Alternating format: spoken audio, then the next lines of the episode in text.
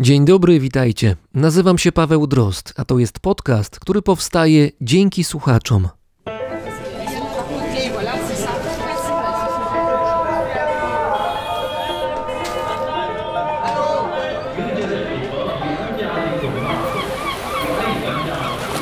Brzmienie świata z lotu Drozda.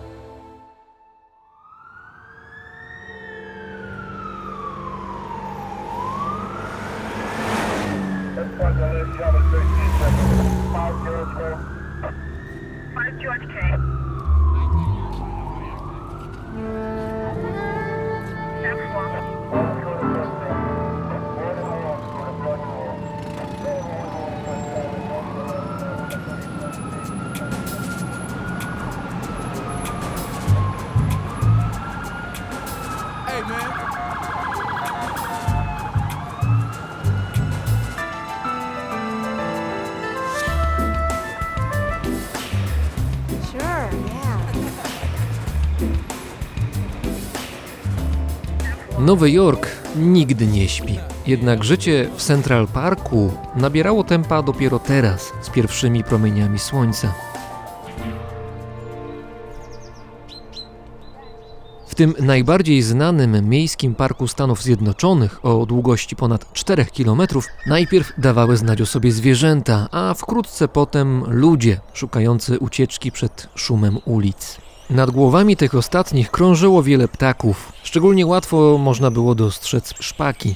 Ptaki te nie mają w USA dobrej prasy. W latach 1890-1891 ornitolog Eugene Schieflin sprowadził 100 sztuk tych ptaków z ich naturalnych terenów w Anglii. Wcześniej w Ameryce Północnej szpaki europejskie nie występowały. Mając dobre intencje, Schieffelin wypuścił zwierzęta w nowym wówczas Central Parku. Te bardzo szybko rozmnożyły się i zaczęły być poważną konkurencją dla ptaków amerykańskich. Dzisiaj w USA szpaki uznawane są za gatunek inwazyjny i stanowią przyczynę bólu głowy wielu biologów.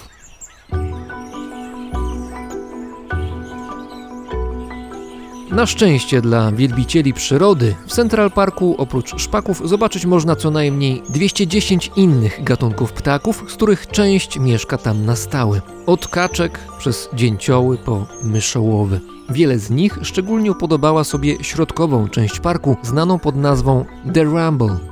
Jest to teren liczący ponad 14 hektarów, gęsto zalesiony, który przecinają wąskie ścieżki i niewielkie drewniane mosty wykonane w stylu swoich XIX-wiecznych poprzedników. The Rumble uznawany jest za najspokojniejszą część Central Parku i pewnie dlatego ptaki tak chętnie tam przylatują.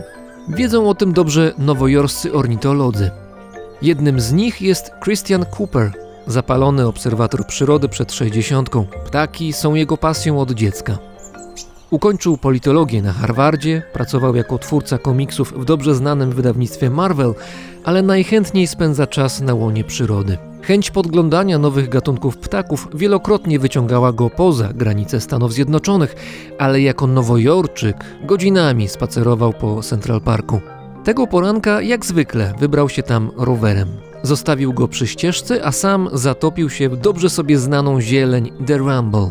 Był 25 maja 2020 roku, poniedziałek.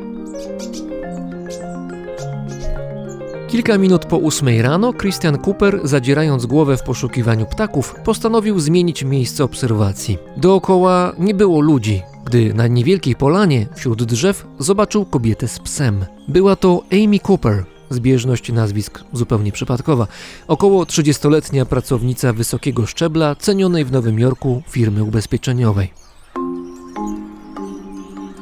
Christian od razu zauważył, że pies biega wolno, bez smyczy. Poprosił Emi Cooper, by przywiązała swojego czworonoga, przypominając jej zasady. Rzeczywiście, w tej części Central Parku, ze względu na bogactwo fauny, psy nie mogą biegać bez smyczy. Kobieta odmówiła. Wtedy Christian powołał się na dobrze widoczne stosowne oznaczenia przy wejściu. Później Emi Cooper przyznała, że znała ich treść, jednak w tamtej chwili wciąż nie stosowała się do obowiązujących na miejscu zasad. Christian wiele razy miał do czynienia z takimi spacerowiczami i miał na nich sposób. wyciągnął z torby garść psich przysmaków, które zawsze miał przy sobie i zwrócił na siebie uwagę psa. Wiedział, że właściciele czworonogów nie lubią, gdy ich pupile karmieni są przez obcych i zwykle wycofują się. Kobieta zareagowała jednak irytacją, podniosła ton, przytrzymując psa przy sobie, wciąż bez smyczy. Sytuacja robiła się coraz bardziej napięta. Mężczyzna uznał, że czas wyjąć telefon i zaczął nagrywać przebieg zdarzenia. Od tej chwili możemy dokładnie prześledzić rozwój wypadków. Amy Cooper, dotychczas stojąca blisko 10 metrów od swojego rozmówcy, podchodzi z psem do Christiana, żądając, by wyłączył telefon. Ten prosi, by nie podchodziła bliżej. Sir, I'm asking you to stop. Please don't come close to me. Sir, I'm asking you to stop recording. Please don't come close to me. Please, Będąc bardzo blisko niego, Emi celuje palcem w obiektyw i coraz bardziej zdenerwowana ponawia żądanie. Christian za to ponawia swoją prośbę. Proszę do mnie nie podchodzić. Ton jego głosu jest spokojny i kontrastuje z tym, jak brzmi jego rozmówczyni. Nie rusza się z miejsca nawet na metr. Amy wyciąga swój telefon i ostrzega, że dzwoni na policję. Mówi: Powiem im, że mojemu życiu zagraża Afroamerykanin.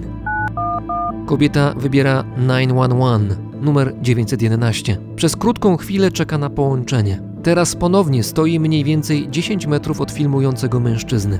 Jej pies, trzymany za obroże, wije się u jej nóg, próbując się oswobodzić. Jest połączenie. Amy mówi: Jestem teraz w Central Parku, w The Rumble, a obok mnie jest Afroamerykanin z kaskiem rowerowym, który grozi mnie i mojemu psu. There Powtarza to zdanie trzykrotnie, przy czym ostatnim razem niemal krzyczy do telefonu płaczliwym głosem, który sugeruje stan najwyższego zagrożenia. Christian Cooper wciąż stoi tam, gdzie stał od początku. Filmuje. Wie, że nagranie będzie kluczowe przy późniejszej ocenie sytuacji.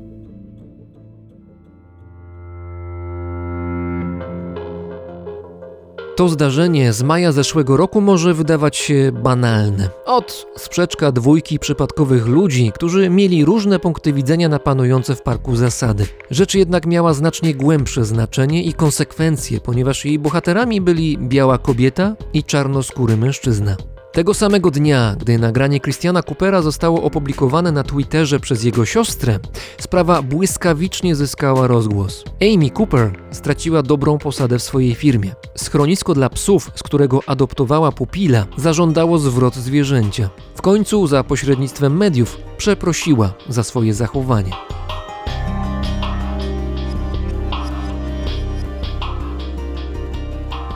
Niedługo potem w Stanach Zjednoczonych odezwali się inni czarnoskórzy ornitolodzy i przyrodnicy. Wielu z nich zwracało uwagę na to, że przez białych Amerykanów często uważani są za zagrożenie. Afroamerykanin wychodzi z lasu, pewnie chce mnie zaatakować. Afroamerykanin ma w ręku lornetkę, na pewno to jego broń. Robi zdjęcia drzewom w mojej okolicy.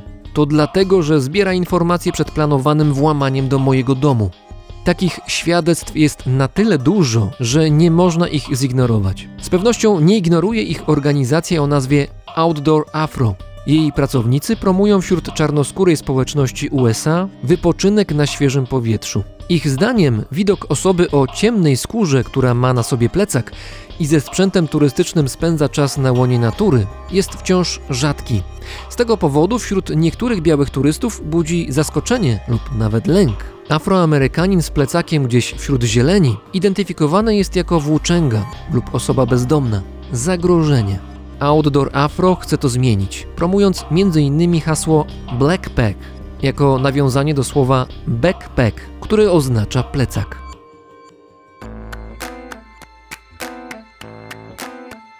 Zdarzenie w Central Parku odbiło się echem nie tylko w mediach, jak i w czołowych organizacjach przyrodniczych w USA. Trzeba bowiem dodać, że Christian Cooper jest ornitologiem znanym w Nowym Jorku. Należy do władz cenionego nowojorskiego stowarzyszenia Audubona, które zajmuje się ochroną przyrody na terenie miasta. Nazwisko Audubon bardzo często pojawia się w nazwach najważniejszych organizacji ekologicznych Stanów Zjednoczonych. Do tej pory skupiano się wyłącznie na jego niekwestionowanych dokonaniach przyrodniczych. Teraz zauważono, że w XIX wieku on i jego rodzina byli właścicielami niewolników. Powstaje więc pytanie, jak Audubon zareagowałby widząc w Central Parku Christiana Coopera z lornetką. W tym odcinku Audubon będzie ważną częścią rozmowy, ale nie tylko on. Posłuchajcie.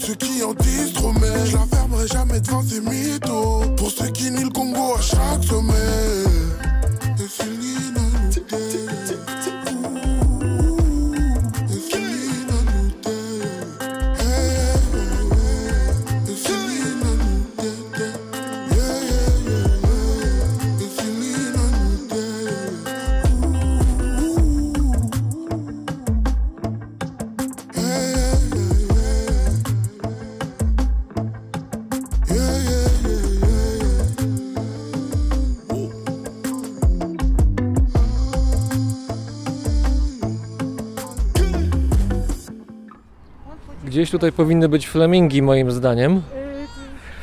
Tutaj. Są, tak? Tak. Aha, na samym końcu. No Tak, dobrze, to czeka nas pamiętam. spacerek. No i bardzo dobrze. Tak w ogóle muszę wytłumaczyć, że to nie jest łatwy czas pandemiczny dla dźwiękowców, jeżeli się nagrywa w terenie, bo maseczki ewidentnie przeszkadzają. W mówieniu i w brzmieniu głos też troszkę się zmienia, no ale jakoś Prawda? będziemy próbować. Jest to bariera akustyczna. No ale damy radę. Przynajmniej zwierzęta maseczek nie noszą. A znajdujemy się w tej chwili w zoo. Zoo warszawskim. Nie jest to przypadkowe miejsce dla naszej rozmowy, o czym za chwilę. Najpierw powiem tylko, że spodziewam się, że to będzie rozmowa wielowątkowa, gdzie takim elementem, który spajać będzie te wątki, być może będzie słowo interpretacja. Zarówno interpretacja taka w zakresie językowym, bo tutaj język francuski będzie na tapecie, ale też interpretacja w takim bardziej ludzkim znaczeniu, to znaczy interpretacja ludzkich postaw, zachowań, też z perspektywy czasu patrząc. W ręku mam książkę, która właśnie jest powodem, komiks właściwie, która jest powodem tego, że się w zoo znajdujemy. To jest książka, która się nazywa Audibon na skrzydłach świata, Fabien Grolot i Jérémy Royer. Dobrze czytam? Bardzo dobrze Bardzo czyta. dobrze. Jeszcze coś mi z francuskiego ze szkoły zostało. E, w każdym razie to jest książka, komiks, jak powiedziałem, Powieść napisana graficzna. powieść graficzna, dobrze, niech tak będzie. E, napisana właśnie przez tych dwóch panów, a ten komiks, powieść graficzną przetłumaczyła Olga Mysłowska, która jest teraz z nami. To oficjalnie się przywitajmy. Dzień dobry. Dzień dobry, bardzo mi miło. I rozmawiać będziemy na początek na pewno o postaci, która jest głównym bohaterem tego właśnie dzieła graficznego, Audubona, John James Audubon. Postać bardzo istotna dla Amerykanów, postać dużego formatu, która też tworzyła dzieła dużego formatu, zarówno metaforycznie, jak i fizycznie, ale to też za chwilę opowiemy. Przyrodnik, e, jeden z pierwszych Amerykanów, którzy interesowali się przyrodą w takim znaczeniu, że chcieli tę przyrodę chronić. Widzieli, że człowiek ma negatywny wpływ na to, że ta przyroda zanika. A jednocześnie nie przeszkadzało to Audibonowi na przykład zabijanie kilkudziesięciu stu ptaków dziennie po to, żeby je później za pomocą drucików upozować i namalować. No właśnie, ja proponuję, skręćmy może w prawo tutaj, bo zauważam watachy rodzinne z dziećmi, które się tu pojawiły w związku z tym, że pogoda jest bardzo dobra rzeczywiście dzisiaj do wyjścia do zoo, do spacerków. To może o samym Johnie Jamesie Audibonie, który właściwie powinien być nazywany Jean-Jacques'em Audibonem. Tak, Audubon był Francuzem z urodzenia, ale z wyboru stał się Amerykaninem. Na początku miał zostać w ogóle biznesmenem, w czym poniósł spektakularną zupełnie porażkę i nawet wylądował na jakiś czas w więzieniu. I postanowił w końcu poświęcić się swojemu marzeniu, że malować ptactwo. I, I rzeczywiście przemierzył całą Amerykę. Jego spektakularny zamiar polegał na tym, żeby namalować wszystkie ptaki Ameryki Północnej i sam sobie nie do końca zdawał chyba sprawę z tego, ile to będzie ptaków i ile to będzie podróży, dlatego że on w zasadzie prawie do końca życia zajmował się tym. To jest marzenie, które z jednej strony jest fantastyczne, ale z drugiej strony też wskazuje o jakimś szaleństwie, które w tym człowieku tkwiło, że chciał wszystkie ptaki jednego kontynentu, czy może pół kontynentu Stanów Zjednoczonych No, no, opisać. No, no, no właśnie. Tak, że to jest rzeczywiście niesamowita postać właśnie pod tym względem, że przede wszystkim nim, nim kierowała ta idea i że on nie zważał tak naprawdę na nic innego, na swoje życie rodzinne, prawda, no, na różne przeciwności, bo on też przecież próbował publikować te obrazy, też tam miał swoich różnych konkurentów, którzy śnili mu się po nocach i całe jego życie było podporządkowane tak naprawdę tylko tej przyrodniczej pasji. Czy moglibyśmy może pójść na przykład gdzieś usiąść? Dobrze, oczywiście. To znajdźmy jakieś miejsce może. Wrony jak sępy prawie przy tym wielbłądzie. Tak, wrony są pierwszymi ptakami, które się tutaj pojawiają. Właściwie to zoo też jest dla nas powodem, żeby się tu pojawić, ponieważ tutaj można znaleźć ptaki, które w Polsce naturalnie nie występują, a które być może Odi Bong te 150 ponad lat temu, kiedy badał ptaki Ameryki Północnej, być może mógł zobaczyć. Stwierdzić, że rzeczywiście w wielu miejscach w Ameryce Północnej przecież klimat jest zbliżony do naszego, więc też wiele gatunków ptaków się powtarza. Tam też była chyba scena w komiksie, gdzie on znalazł jakąś gigantyczną kolonię jaskółek. Tak, W, tak, tak, w tak. pustym drzewie były, były setki, tysiące gniazd. Wspaniała, wzruszająca scena. Oczywiście tam kilkadziesiąt właśnie wziął, zabił i później rysował. Także to, to w jaki sposób teraz patrzymy na ekologię, a jak się patrzyło na no, chronienie przyrody wtedy, to jednak są dwie zupełnie różne rzeczy. Tutaj jest ławeczka, proponuję, żebyśmy sobie spoczęli. To do flamingo tak szybko nie dojdziemy, jak sądzę, ale może się w końcu uda. Mam profesjonalnie przygotowaną herbatkę. Ja przyniosłem kawę, mogę poczęstować. Dziękuję, to jest, to jest mate, także działa podobnie. Znam, znam, polecam. No, no, no. W piramidkach z Lidla najlepsza. Mandarynkowa. Tutaj bym dyskutował, ale dobrze. Że nie, bo jak już się pije matę taką, y, tak jak się powinno, błoto, to już jest na momenty, kiedy jest za chwilę deadline i trzeba tłumaczyć przez całą noc, a się nie ma siły. A także po prostu utrzymać jasność umysłu, to piramidki mandarynkowe spełniają swoją funkcję. Skoro było już trochę powiedziane o tym, że Odibon miał z naszego punktu widzenia dosyć nietypowe podejście do chronienia przyrody i zajmowania się tą przyrodą, to powiedzmy jak to wyglądało. Chciał opisać, skatalogować wszystkie ptaki Ameryki Północnej, czy przede wszystkim Stanów Zjednoczonych, jednocześnie je namalować, bo był bardzo utalentowanym rysownikiem. Natomiast żeby te sceny, które potem odzorowywał na kartach, na szpaltach, żeby one mogły powstać, to najpierw on je układał jak scenę w jakimś filmie albo w teatrze przy pomocy ptaków, które już oddały ducha dzięki jego strzelbie najczęściej. Tak, no tam miał specjalnie ustawione różne gałęzie, też używał drutów, gwoździ, dlatego że no wiadomo, że no martwy ptak, no jak się trzyma go w ręku, no to wygląda jak biedny trupek, prawda? A żeby stworzyć tę iluzję życia, co on zresztą robił fenomenalnie, te na przykład obrazy przedstawiające sokoły zjadające swoje ofiary, że to wygląda jak, no to jest oczywiście klisze naprawdę, że jak żywe i to jest niesamowite, że... Tam jest dużo dynamizmu w tych Tak, scenach, tak, prawda? tak, tak. I że y, też w jakiś sposób jest to dramatyczne i też są te mm, obrazy, na przykład ta akwarela przedstawiająca flaminga, który też tak, tak dosyć za, zabawnie wygiętą y, głowę, że to jest zupełnie... Bo po pierwsze, no, on był bardzo utalentowanym, czysto technicznie artystą, ale też y, potrafił stworzyć tę scenę w taki sposób, że to przemawiało o charakterze tego zwierzęcia. Przecież każde zwierzę ma też swój charakter, nawet pająki mają swój charakter. Były badania dotyczące pająków żyjących w koloniach, Mianowicie można było z grubsza podzielić pająki na dwie grupy. Te, które sobie świetnie radziły z budowaniem tych gniazd i z polowaniem i te, które doskonale sobie radziły z doglądaniem tych jajek pajęczych.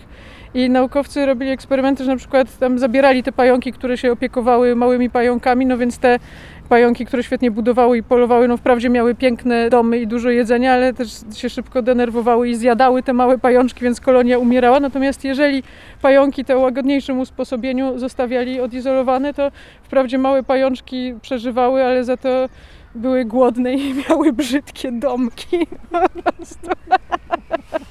Także następnym razem, jak zobaczymy jakiegoś pająka gdzieś w rogu naszego mieszkania, zastanówmy się, jakiż to może mieć ten pająk charakter, bo to I też... miejmy nadzieję, że z tych łagodniejszych właśnie.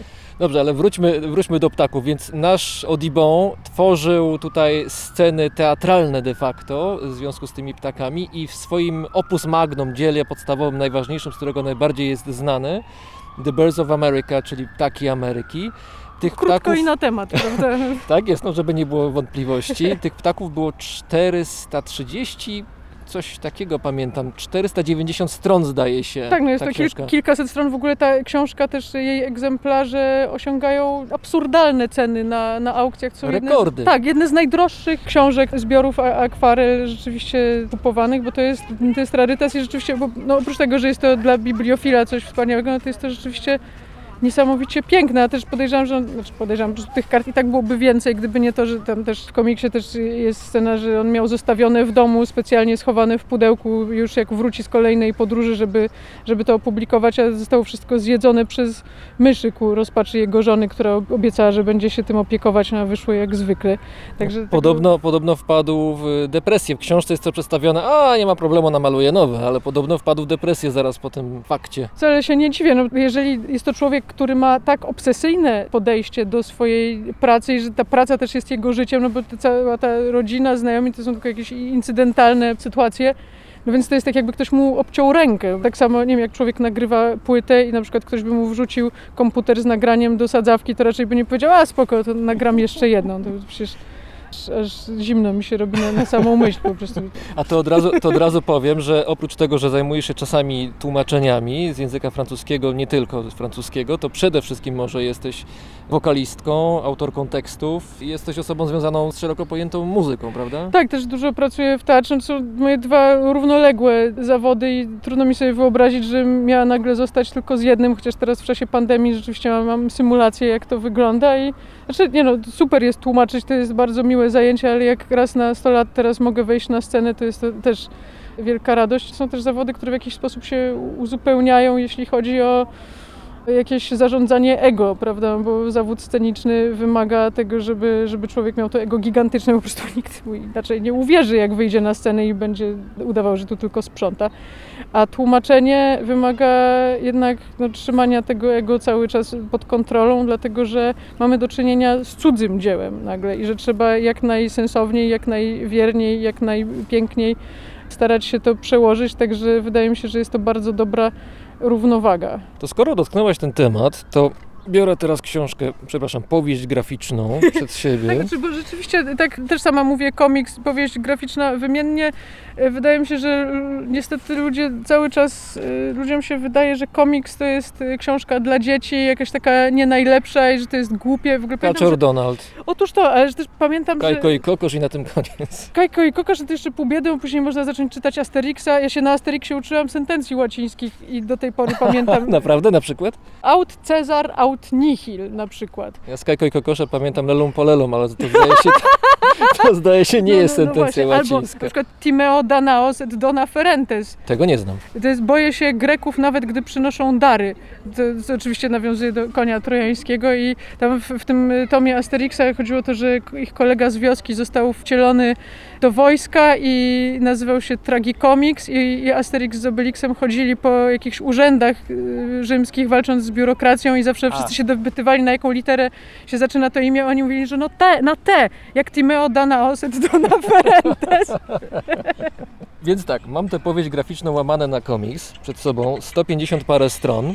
Te dźwięki, które tutaj do nas dochodzą, to są przechodnie, którzy zwiedzają czasami z telefonami w ręku. I idąc tropem stereotypów, komiks nie ma zbyt dużo tekstu, więc wydawałoby się, że tłumacz też zbyt wiele roboty przy tym nie ma.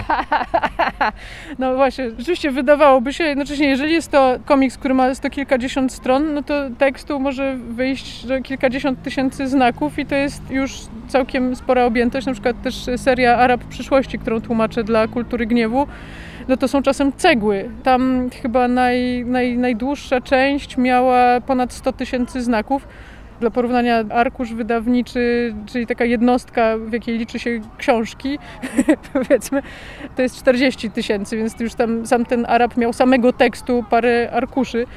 I też mogłoby się wydawać, że tłumaczenie komiksu jest zadaniem prostym i rzeczywiście w momencie, kiedy mam same onomatopeje typu brzdęk, trzask, to to jest przyjemne. Czasem nawet robię zdjęcie, sobie zapisuję w folderze radość tłumacza, albo teraz też w komiksie Guy Delisle, który tłumaczy, tam główny bohater jedzie na rowerze i sobie liczy czas pomiędzy jednymi a drugimi światłami na ulicy i właśnie tam miałam po prostu dwie strony, jak sobie odlicza w tył od 30.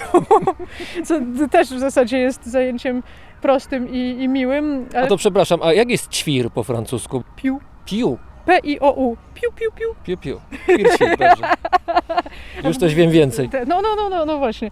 W każdym razie no, w takim komiksie powieści graficznej jak e, Odibą na skrzydłach świata tłumacz przede wszystkim musi liczyć się z tym, że będzie miał po pierwsze kontekst historyczny, po drugie słownictwo przyrodnicze i to wszystko musimy sprawdzić. Wiadomo, że niektóre rzeczy wiemy, na przykład, że ptak śpiewający to jest co innego niż śpiewający ptak, prawda, że jedno jest opisem, prawda, że ptak siedzi i śpiewa, a drugie to jest nazwa grupy ptaków, które mają w swoim opisie zawodu, że śpiewają.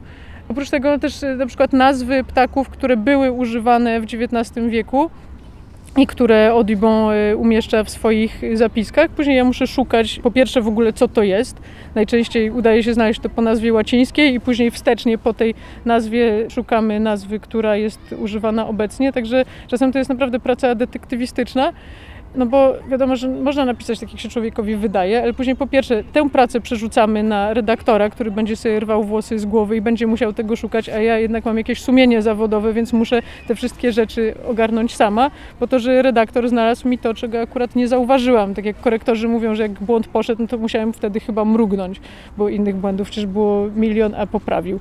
W każdym razie tutaj też razem z, razem z redaktorem też mi- mieliśmy korespondencję dosyć długą dotyczącą właśnie też jakichś geograficznych nazw, więc to wszystko są różnego rodzaju śledztwa, które no, trzeba przeprowadzić i trzeba no, wyciągnąć jakiś jeden ostateczny wniosek po to, żeby było dobrze, prawda? Więc to jest tekst, który jest, akurat był rzeczywiście bardzo wymagający, ale tak samo właśnie w tym Arabie przyszłości też są na przykład jakieś fragmenty po arabsku, ale w transkrypcji francuskiej nie najlepszej, więc wtedy trzeba się odzywać do znajomych, którzy znają arabski. Ja w końcu z tego wszystkiego zaczęłam się uczyć teraz arabskiego, że jeżeli w kolejnych tomach coś będzie, to już sama sobie będę w stanie te rzeczy rozstrzygnąć.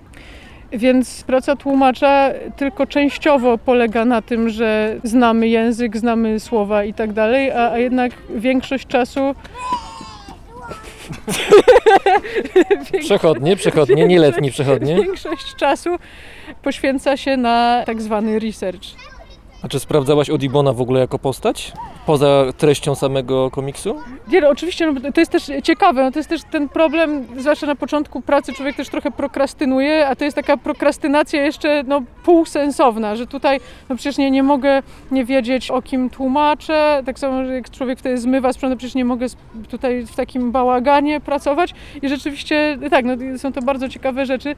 Też pamiętam, że tłumaczyłam kiedyś tekst dla magazynu Glissando o różnych systemach strojenia instrumentów i że tam tylko w przypisie autor napisał, że tutaj te, takie instrumenty, inne instrumenty i tutaj już nawet nie będę wspominał o wioli organista skonstruowanej przez Leonarda da Vinci. Ja myślę, że co? Ja tego nie znam. No więc od razu zaczęłam, spędziłam kilka godzin na szukaniu, czym jest wiola organista. Okazuje się, że to jest niesamowity instrument, ponieważ ma mechanizm klawesynu, ale jednocześnie struny, które są pocierane tak jak w instrumentach smyczkowych. Jest to poruszane pedałem, tak jak w starych Ciekawe. maszynach do szycia.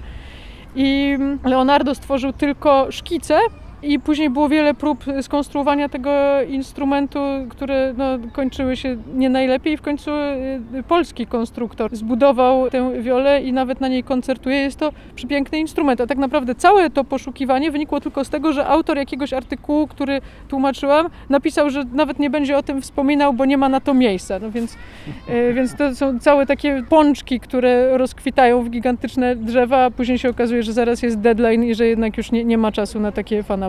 No. Audubon na skrzydłach świata to jest komiks, powieść graficzna francuska, bo Jean-Jacques Audubon, który potem stał się Johnem Jamesem Audubonem, był Francuzem, potem stał się Amerykaninem. W Stanach Zjednoczonych jest bardzo znaną postacią, jak powiedziałem, ale we Francji chyba mało znany, prawda?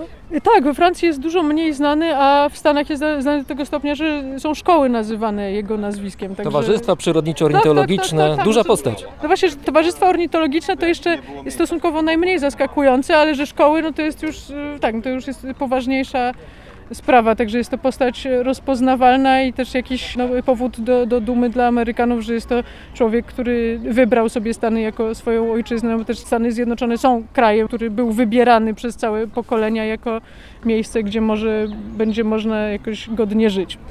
Audubon to była postać kontrowersyjna na wielu płaszczyznach. To jest y, pierwsza połowa XIX wieku. Stany Zjednoczone są innym oczywiście krajem niż w tej chwili.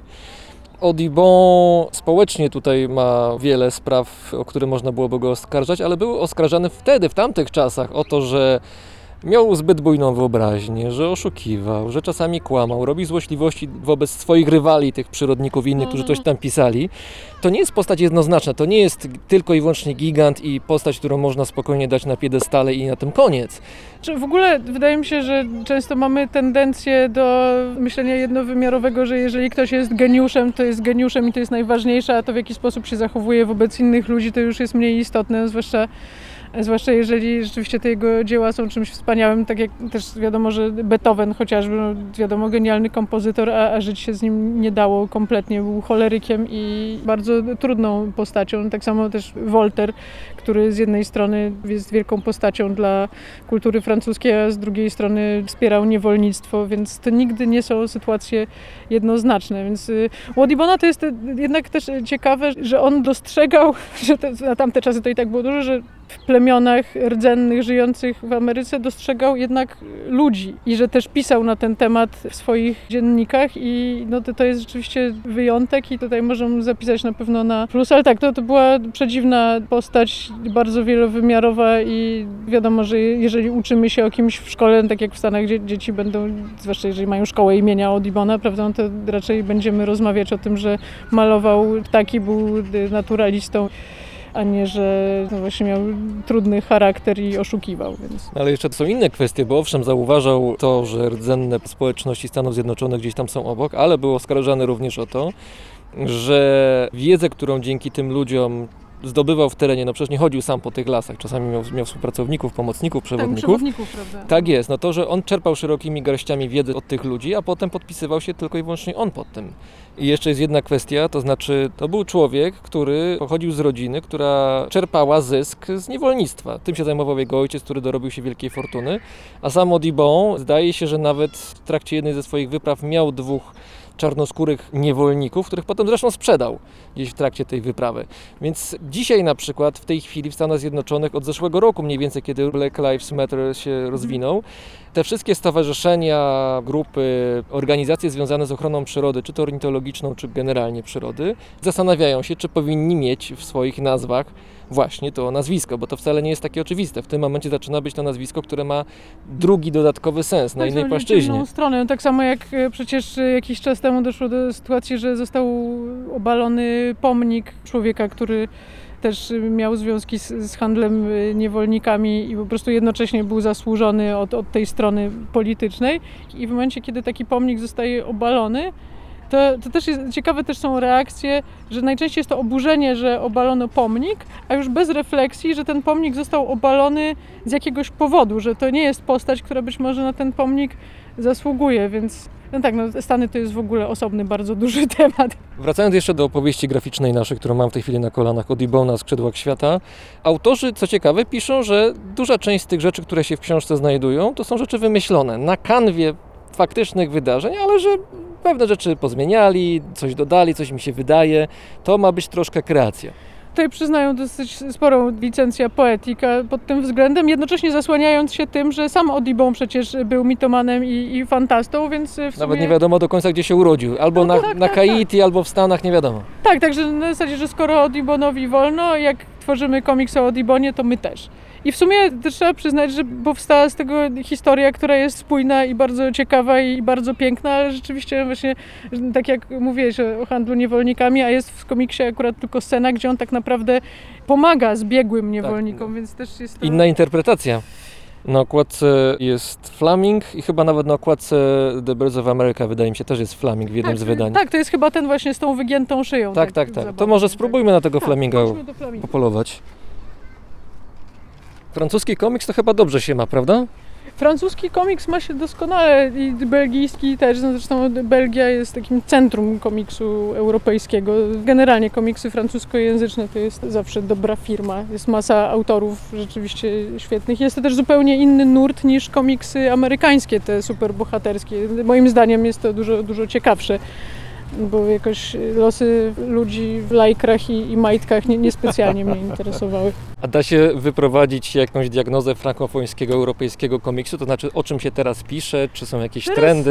y, To jest też taki trend na całym świecie, we Francji też jest tego sporo. Rzeczywiście jest ogromnie dużo komiksów autobiograficznych i biograficznych. Nawet mniej niż 10 lat trwa ta tendencja, ale tego jest cała masa. Ja sama przetłumaczyłam już dwucyfrową liczbę y, takich pozycji i rzeczywiście jest to bardzo ciekawe, że jest to forma bardzo, no, w bardzo przystępny sposób pokazująca życie człowieka, ale też, też kulturę. No, jednym z takich pierwszych, które na polskim rynku zaistniały, to było Persepolis Marżanca Trapi, które zresztą później zostało zaadaptowane jako y, film animowany. No i później właśnie też y, Arab przyszłości. Też y, tłumaczyłam komiks o życiu Augusta Rodena na przykład dla Scream Comics. Tak, no jest, jest tego rzeczywiście bardzo, bardzo dużo. A wybór postaci do komiksów biograficznych daje jakiś obraz tego, jak Francja się zmienia, czy jak Belgia się zmienia, czy świat frankofoński? Wydaje mi się, że też częściowo jest to. czasem, no, jak, się, jak się przegląda różne takie pozycje, też widać, że czasem, czasem jest to po prostu kwestia grantozy, że rzeczywiście bardzo łatwo dostać grant na to, żeby stworzyć właśnie coś atrakcyjnego i żeby jeszcze było jakoś historycznie i prawdziwa postać, więc to e, często są e, też komiksy trochę gorszej jakości, które no, są wypełnieniem jakiegoś, jakiegoś zadania, a z drugiej strony są to właśnie pozycje, które w bardzo ciekawy sposób przy okazji opowiadania e, historii życia konkretnego człowieka no też pokazują kwestie społeczne, kulturowe, chociażby tak jak ten Arab przyszłości, no, albo też komiksy Guy Delisla, prawda, kroniki birmańskie. O, to są moje ulubione, znakomite są. To jest prawda i teraz tłumaczę jego najnowszy komiks. To jest Chronique de Jeunesse, czyli takie kroniki młodości. On tam opisuje, jak jako młody student pracował w fabryce papieru. Więc teraz nie jest to podróż gdzieś na drugi koniec świata, ale raczej do jakby innego świata, który jest blisko domu. Także to też jest Ale to to. zrobić komiks o czymś takim, to, to odważne. A jednocześnie jest to naprawdę świetny komiks. To powiedzmy jeszcze o samym autorze, ja nazwiska w tej chwili nie pomnę, to jakbyś mogła przypomnieć? Guy Delisle. To jest człowiek, który jest rysownikiem, jeździł po świecie głównie za sprawą swojej żony bodaj, która pracowała chyba dla Lekarzy Bez Granic między Tak, innymi, tak, prawda? tak, w tak, kilku, mia- w się, kilku tak. państwach, między innymi w Korei Północnej, w Birmie, w Jerozolimie, prawda? Tak, w Korei Północnej właśnie w ogóle ten komiks jest nie, niesamowity, on tam Jest świetny, jest Tak, bo znakomity. Delisle w Korei Północnej pracował w studiu animacji, w studiu filmów animowanych, dlatego że wtedy rzeczywiście kanadyjskie studia przerzucały tam część swojej... Bo on jest Quebecańczykiem. Tak, tak, tak. Kanadyjski, francuski to jest też osobny, bardzo ciekawy temat. Wiadomo, że najczęściej jak mamy do czynienia z tekstami pisanymi, to jednak jest ten francuski jest bardziej powiedzmy standardowy, ale że nawet jak mamy komiks, to, to widać te niewielkie różnice na przykład w słowach i że trzeba po prostu wiedzieć.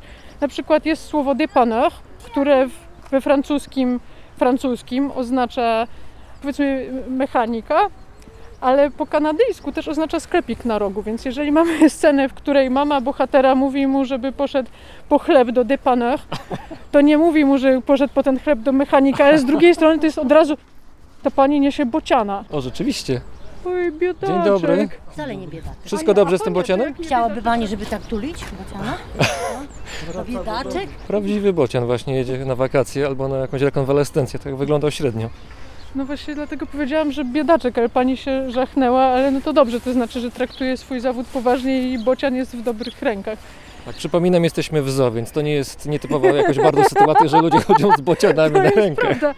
No więc mieliśmy w, w komiksie Gideila scenę, w której mama prosi go, żeby poszedł po chleb do sklepiku, a jeżeli tłumacz byłby nieuważny, to mógłby to przetłumaczyć, że do mechanika, a w sumie przecież główny bohater pracuje w fabryce, więc może to jednak ma jakiś sens. I, czasem też, no, jak mi się zdarzało sczytywać pracę po innych osobach, no też czasem tego typu błędy się pojawiają. To znajomość kultury już tutaj jest niezbędna, prawda? Oczywiście, że tak, no zwłaszcza, że jednak francuski ma no, setki milionów użytkowników na całym świecie i to są różne zupełnie miejsca na ziemi, w których ten język rozwijał się na zupełnie różne sposoby i wiadomo, że różnice między francuskim e, mówionym we Francji, a francuskim mówionym w Belgii oczywiście są i, i, i są też momentami dosyć ciekawe rzeczy.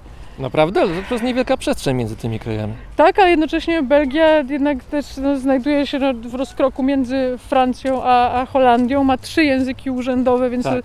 to, jest, to, jest to francuski, holenderski i niemiecki, więc też tam te rzeczy się przenikają między sobą. Belgijski, francuski też ma sporo słów, które mogą brzmieć archaicznie dla Francuza, Francuza, albo jakichś takich incydentalnych różnic, że na przykład dla Francuza śniadanie to jest petit déjeuner, a dla Belga to jest déjeuner, ale z kolei dla Francuza déjeuner to już jest taki lunch.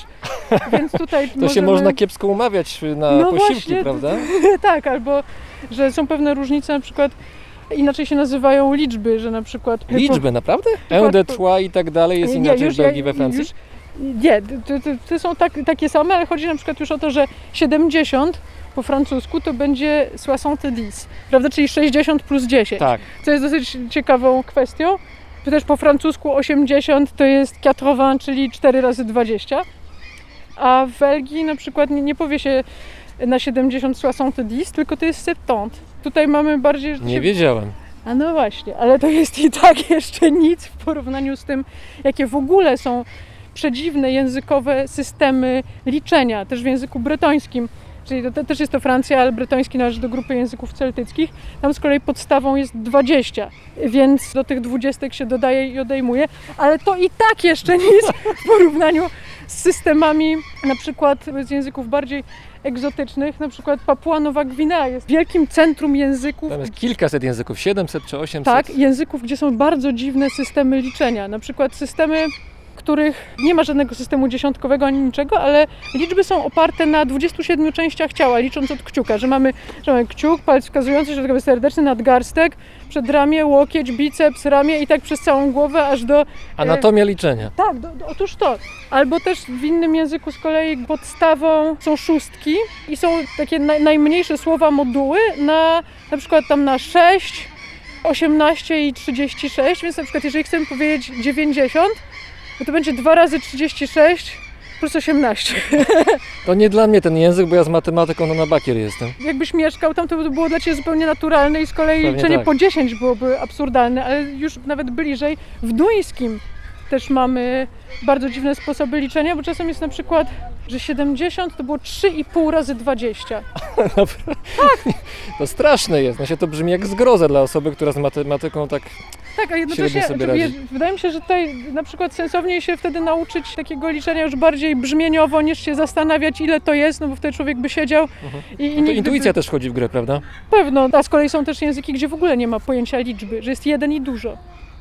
To ciekawe, jak się umawiają na pensję na przykład. Tak, ale też, też był jeden język, w którym były równoległe systemy oparte na trójkach i na czwórkach. I tam było chyba, że kokosy, ryby i dni liczymy w systemie op- opartym na trójkach, a tam chyba tam orzeszki betelu, coś tam i tarcze liczymy w systemie opartym na czwórkach, więc tak naprawdę tę samą liczbę, w zależności od tego, co liczymy, można wyrazić na różne sposoby. Różne systemy liczenia w zależności od przedmiotu, który Tak. jest liczony. Tak, tak, tak.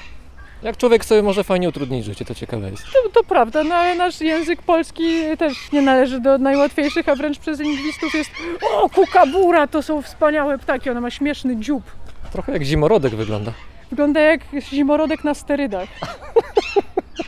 To nie mówmy głośno, żeby nie usłyszał. Patrzy na nas, to chyba już usłyszał. Okej, idziemy. To jeszcze papugi są, ale gdzieś nam flamingi nam chyba Wydaje się, że te uciekły. flamingi chyba dla nich może być jeszcze za zimno, bo tam było takie jeziorko, chyba że jeszcze musimy pójść. No nie, ale to już jest. To Zróbmy może kółeczko jest- wokół tych tak, wolier. Tak, tak, tak, tak. A w sensie od tej strony czy? Tak, od tej, od Okej, tej. dobra. Żeby nie iść tą samą drogą cały czas. No tak. Interesuje mnie to, jak, jak język francuski w y, Quebecu się uchował, zachował i zmieniał, no jaką ma postać w tej chwili, bo mówimy o bodaj XVII wieku, tak? Kiedy tam Nowa Francja Tak, powstała, tak, zanim Quebec powstał. To był wiek XVII i też dosyć e, istotnym szczegółem jest to, że ogromny udział w budowaniu tego nowego państwa i różnych struktur społecznych miał Kościół. Katolicki. Kościół, tak, dodajmy, Kościół katolicki.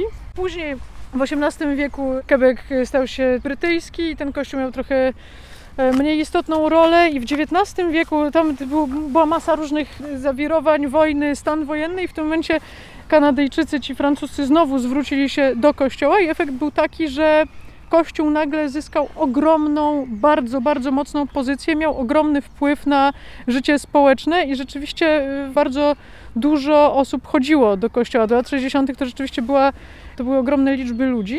I bardzo ciekawym y, w ogóle skutkiem ubocznym tego wpływu kościoła na, na życie jest to, jak brzmią kanadyjskie przekleństwa. Bo kanadyjskie przekleństwa składają się z, głównie ze słownictwa katolickiego. To jest na przykład tabernakulum, hostia, chrzest, święta panienka, kielichy najróżniejsze. Czyli rozumiem, że jak się tak. uderzę w nogę przechodząc koło czegoś, to mówię o chrzest. Wiesz co, nie mówisz tabernakulum. Mocniejsze to jest? E, Taber, znaczy tabernakulum też jest w ogóle A jak to brzmi po francusku? Tabarnak. Tabernak. A to brzmi Tylko, tak, tak solidnie, tak mo- mocno. Bo ma ry, bo ry to jest Tabernak. taka, taka mocna litera, prawda? Tabernak. Tylko właśnie, że to jest przez A. Tak samo, że nie mówisz wierge, w sensie, że święta dziewica, tylko vierge, czyli to się zamienia na to A. A, No, zmieniamy to- troszeczkę. Tak samo, że, naprawdę, jeżeli powiedzmy a Kanadyjczyk anglojęzyczny uderzy się w nogę, to będzie mówił fuck, fuck, fuck, a naprawdę Kanadyjczyk frankofon będzie mówił tabarnak, tabarnak. No to I to widać za, nasprejowane na ścianach. I Na to ścianach? tak. Graffiti są? tak, no tak jak, słuchaj, to jest naprawdę funkcjonuje w języku codziennym i że, rzeczywiście Ale chciałbym usłyszeć takiego Quebecois, czyli mieszkańca Quebecu, który spotyka się z y, Francuzem z Francji i sobie przeklinają. Jeden po francusku tutaj słowo na M się pojawia zapewne, a, a ten z, Tak, z to jest swoją Quebecu. drogą bardzo ciekawe, że no, powiedzmy w, w kręgu naszym europejskim przekleństwa dotyczą jednak głównie kwestii wydalania i rozmnażania, a jednak w Kanadzie francuskojęzycznej to jest to słownictwo katolickie. I co ciekawe, teraz y, większość młodych ludzi, bo w tym momencie Kanada nie jest już tak mocno katolickim przecież państwem, że młodzi ludzie często nawet nie wiedzą, co to jest y, to tabarnak, że, że po prostu znają brzmienie, Nie używają? używają, chociaż też są używane już też e, anglojęzyczne przekleństwa, ale te przekleństwa cały czas jednak funkcjonują i być może dopiero no teraz jak ta laicyzacja postępuje, to być może będą trochę w mniejszym użyciu, ale jest to na pewno jakiś element specyfiki tego języka. Chociaż trzeba też przyznać, że w naszym kręgu w Europie też jest trochę przekleństw katolickich. No przecież górale mówią crucifix, czyli krucyfiks, prawda. prawda? Też na Śląsku się mówi sakramencie. Więc to, to wszystko jednak jakoś istnieje. Też pamiętam jak nie wiem, miałem chyba z 10 lat i, i znalazłam w domu wydanie Markiza de Sade i tam wiadomo, co tam się wyprawia, ale że jednak też dopiero teraz myślę o tym, że, że to jest po prostu dziecko, które już wie, czym się interesuje, bo dla mnie najciekawsze były przekleństwa właśnie. Że tam oczywiście sacre bleu, które wszyscy znają, no to wiadomo, ale że też były różne, coraz bardziej piętrowe te przekleństwa. Na przykład było triple foutu Dieu, czyli po trzykroć pierdolony Bóg. A tych całych scen, prawda, typowych z Markiza de Sade aż tak dobrze nie pamiętam, a przekleństwa pamiętam. Tak samo jak te sentencje łacińskie z Asterixa. Zostawiając Markiza de Sade, jeszcze wracając na chwilę do specyfiki kanadyjskiego, francuskiego, też przez to, że do Kanady wyjechali ludzie, no to, to był wiek XVII, XVIII, prawda, sporo zostało słów bardziej e, archaicznych. Na przykład e, ciekawe jest to, że po francusku samochód to jest voiture, ale po kanadyjsku można powiedzieć char i to jest skrót od chariot, czyli słowa oznaczającego rydwan. Wóz. Tak, Też. wóz, dokładnie. Więc... No my też wozem czasami jeździmy. to Ktoś się tak, wozi wozem Prawda, tak, albo bryką. po bryku. No, nie tak daleko jesteśmy od Quebecu najwyraźniej. A mówiłaś o komiksie mm, francuskim Arab przyszłości. To brzmi jak trochę science fiction, ale jak to wygląda w praktyce i o czym to jest? No bo zakładam, że e, arabski wątek jest tam jakoś zaznaczony. Tak, e, autor Riyad Satouf mieszka we Francji, mówi po francusku, arabski, twierdzi, że zapomniał. Jego ojciec był Syryjczykiem, a matka francuską, więc Riyad Satouf w dzieciństwie kursował między Francją a krajami arabskimi. Mieszkał w Syrii, w Libii. Jego ojciec też był wykładowcą w Arabii Saudyjskiej. Więc tutaj mamy bardzo ciekawie pokazany świat y, arabski, no ale też Francję oczami dziecka też w kontekście sytuacji rodzinnej ojca tyrana i, i tej biednej francuskiej matki, która już tam ledwo zipie w małej wiosce w Syrii, także To są sceny z Syrii, nie z Francji? i stamtąd, i stamtąd. W ogóle jest tam zastosowany bardzo ciekawy zabieg, który od razu pozwala czytelnikowi zorientować się, gdzie jesteśmy. Po prostu wprawdzie kreska jest czarno-biała i tylko mamy tło w różnych kolorach, że tam akurat Syria jest e, różowa, Francja jest błękitna, tam też sekwencje snów są czerwone, Libia chyba była na zielono, ale już, już nie pamiętam, bo to był pierwszy tom, teraz dostałam do tłumaczenia piąty, więc to już było jakiś czas temu. Czyli to są obyczajowe historie. Tak, i to jest też autobiografia. E, Riyad też e, rysuje dla Charlie Hebdo. Zakłada, że jego ta autobiograficzna historia będzie miała sześć tomów, także teraz we Francji ukazał się piąty, który też już powoli sobie tłumaczę.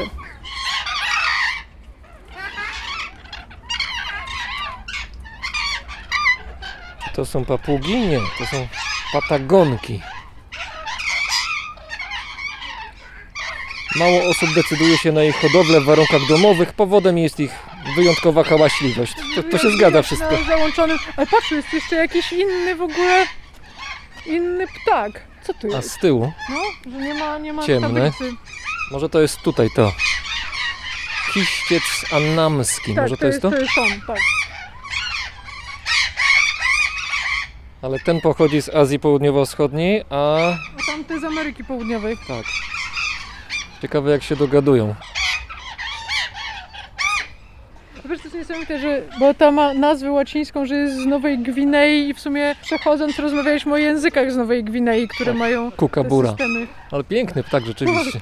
Ale rzeczywiście jak Taki taki... kaczkopodobny trochę. Tak, ale rzeczywiście to co mówię, że jak zimorodek, taki duży, no.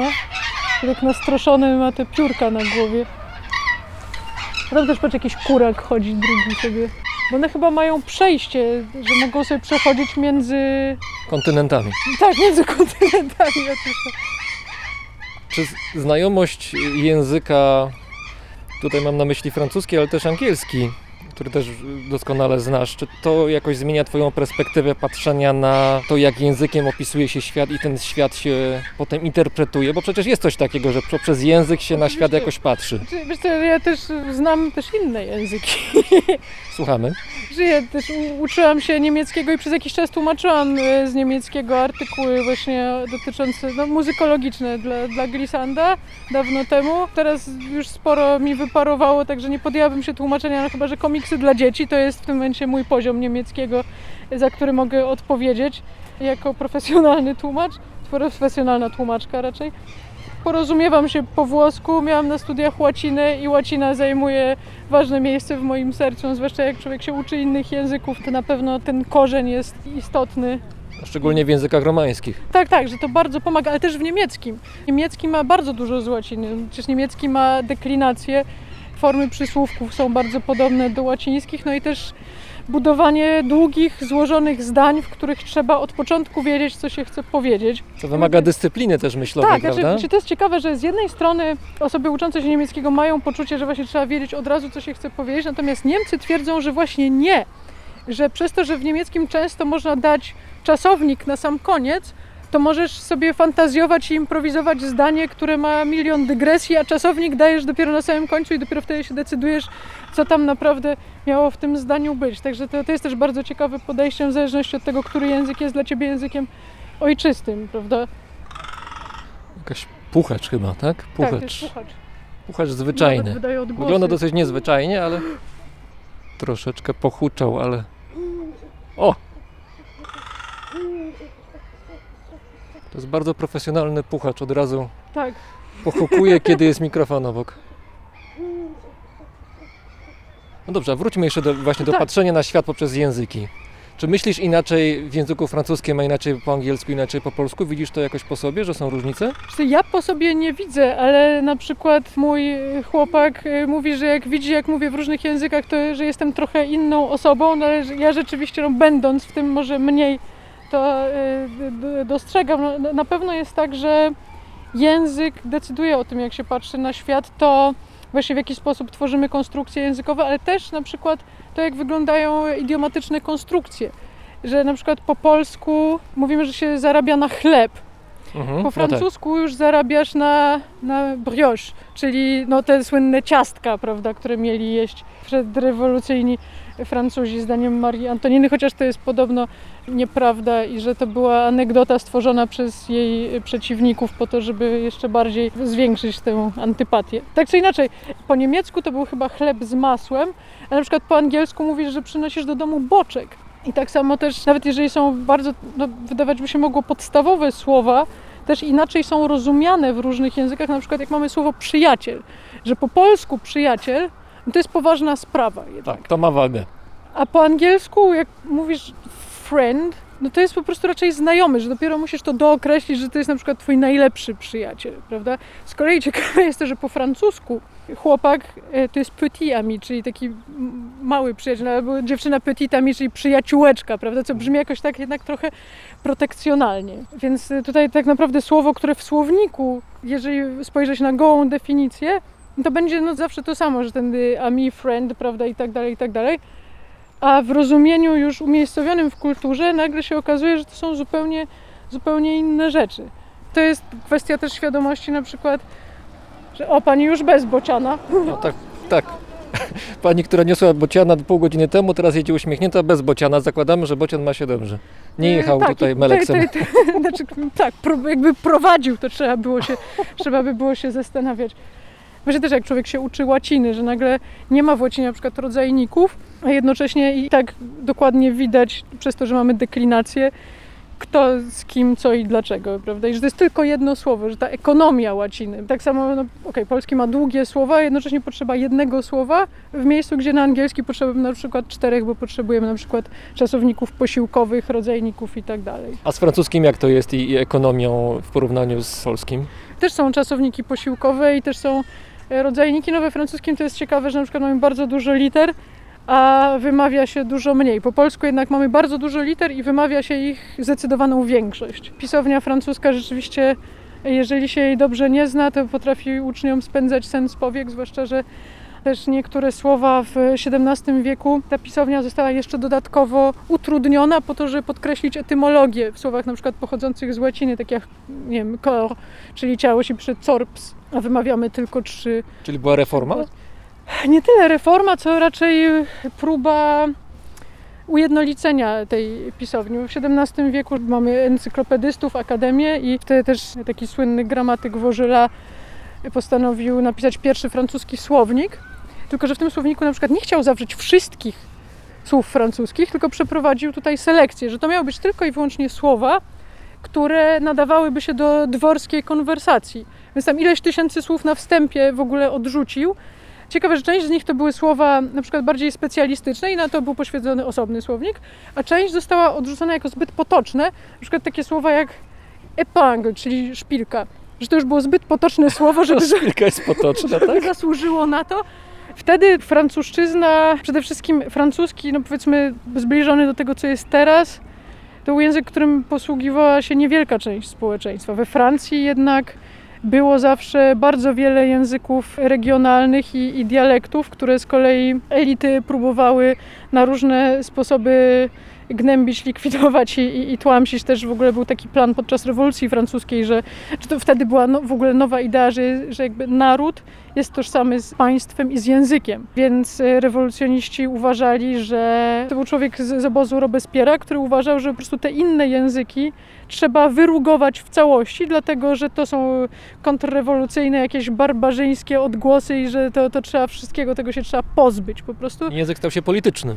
Oczywiście, no w międzyczasie Robespiera ścięto i ten cały plan jednak nie został przeprowadzony, ale Francja bardzo zawsze, znaczy mówię o francuskich elitach, rzeczywiście miały zawsze bardzo na pieńku z tymi językami lokalnymi.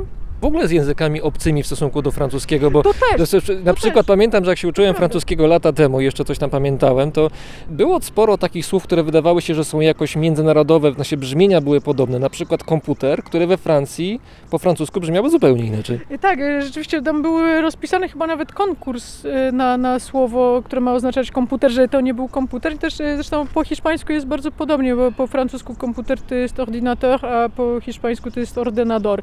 Po włosku się mówi komputer z kolei, że Włosi po prostu machają ręką na to. W ogóle też jakiś XVII-wieczny lingwista e, francuski napisał w książce właśnie o, o gramatyce francuskiej bardzo charakterystyczne zdanie obrazujące zdanie Francuzów o, o innych językach, mianowicie, że Chińczycy i wszystkie inne ludy Azji śpiewają, Niemcy burczą, Hiszpanie drą się, Włosi wzdychają, Anglicy świszczą i tylko o Francuzach rzec można, że mówią tak jak należy. To bardzo francuskie moim zdaniem. Tak, to prawda.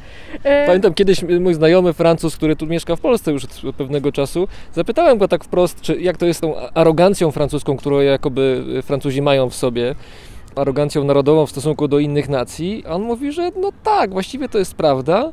I Francuzi, większość Francuzów takich standardowych, to współczuje innym ludziom z innych państw, że oni nie znają francuskiego i nie są w tej że nie są kulturze. Francuzami, tak. To, to jest, tak jeszcze z tymi, wiesz, z tymi językami lokalnymi. Po pierwsze w czasie rewolucji już, już były pomysły, żeby to wszystko znikło, ale na przykład w szkołach w XIX wieku, na początku XX wieku bretońskich były napisane zasady różne, których muszą się trzymać uczniowie i pierwsza zasada w jednym punkcie, tam były inne rzeczy, tam nie wolno wsadzać ołówka do ucha, nie wolno ślinić Koledzy. tak, do, do, tym bardziej nie wolno tam ślinić palców przy czytaniu książek, ale pierwsza, na pierwszym miejscu to jest jeden punkt. Zabrania się mówić po bretońsku i pluć na podłogę. Straszne.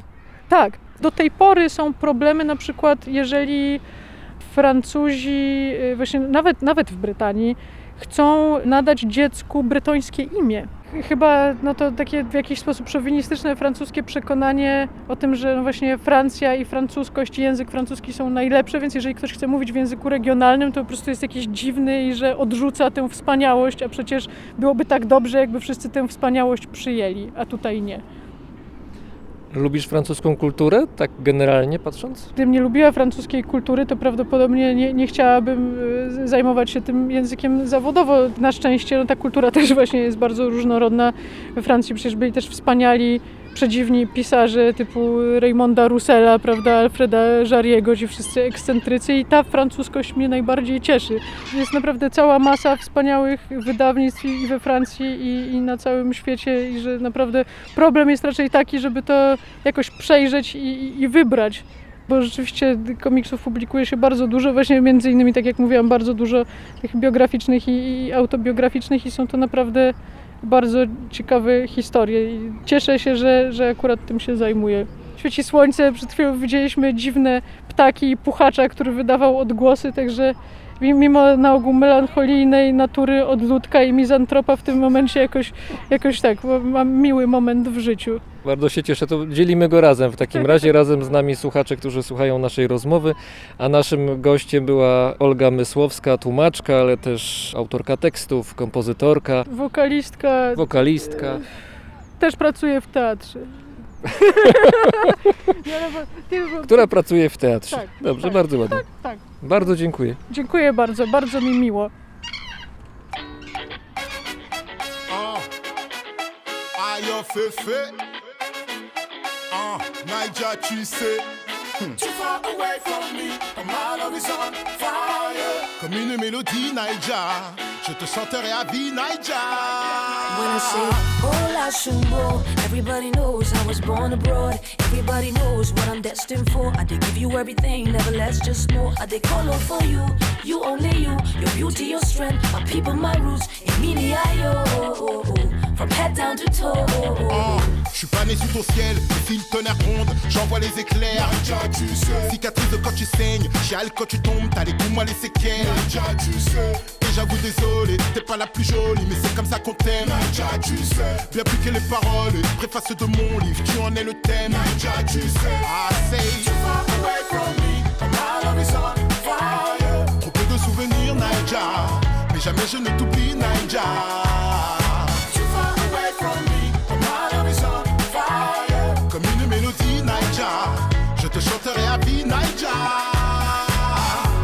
Blanc, vert comme tricolore. J'ai dans les veines deux étendards en colloque Et je sais pas comment mais tout ça rentre. Aucune préférence, on choisit pas ses parents. Loin des yeux pas commode mais j'ai le cœur d'un colosse. Dans tous les cas on s'arrange. Des œdèmes gros comme Aramboko Mais je t'aime à la folie passionnément Un peu beaucoup Sur le front, collé par la sueur et la fête est entamée. Naija, tu sais. Nigérian et le son, étranger et la peur et adieu de programmer. Naija, tu sais. Et même si désolé, t'es pas la plus jolie, c'est comme ça qu'on t'aime. Naija, tu sais. Bien plus que les paroles et préface de mon livre, tu en es le thème. Tu sais. I say too far away from me, my love is on fire. Trop peu de souvenirs, Naija, mais jamais je ne t'oublie, Naija.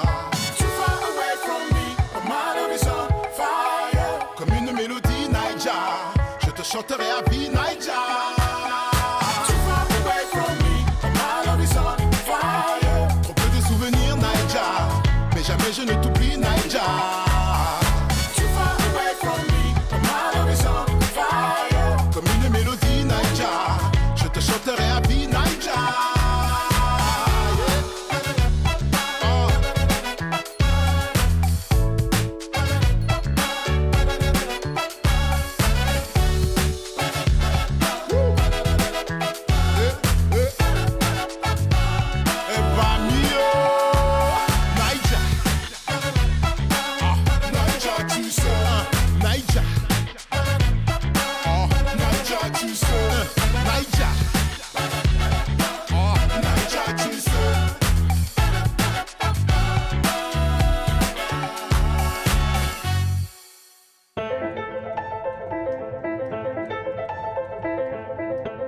Słuchaliście 50. już odcinka Brzmienia Świata z lotu Drozda.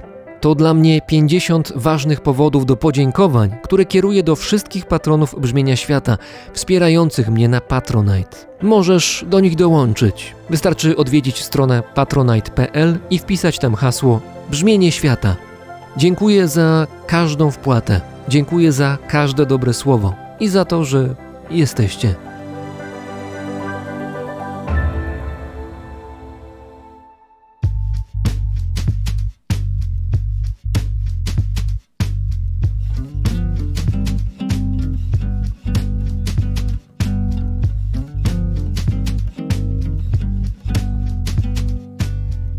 Paweł Drozd, czyli ja, mówi Wam dobrego dnia.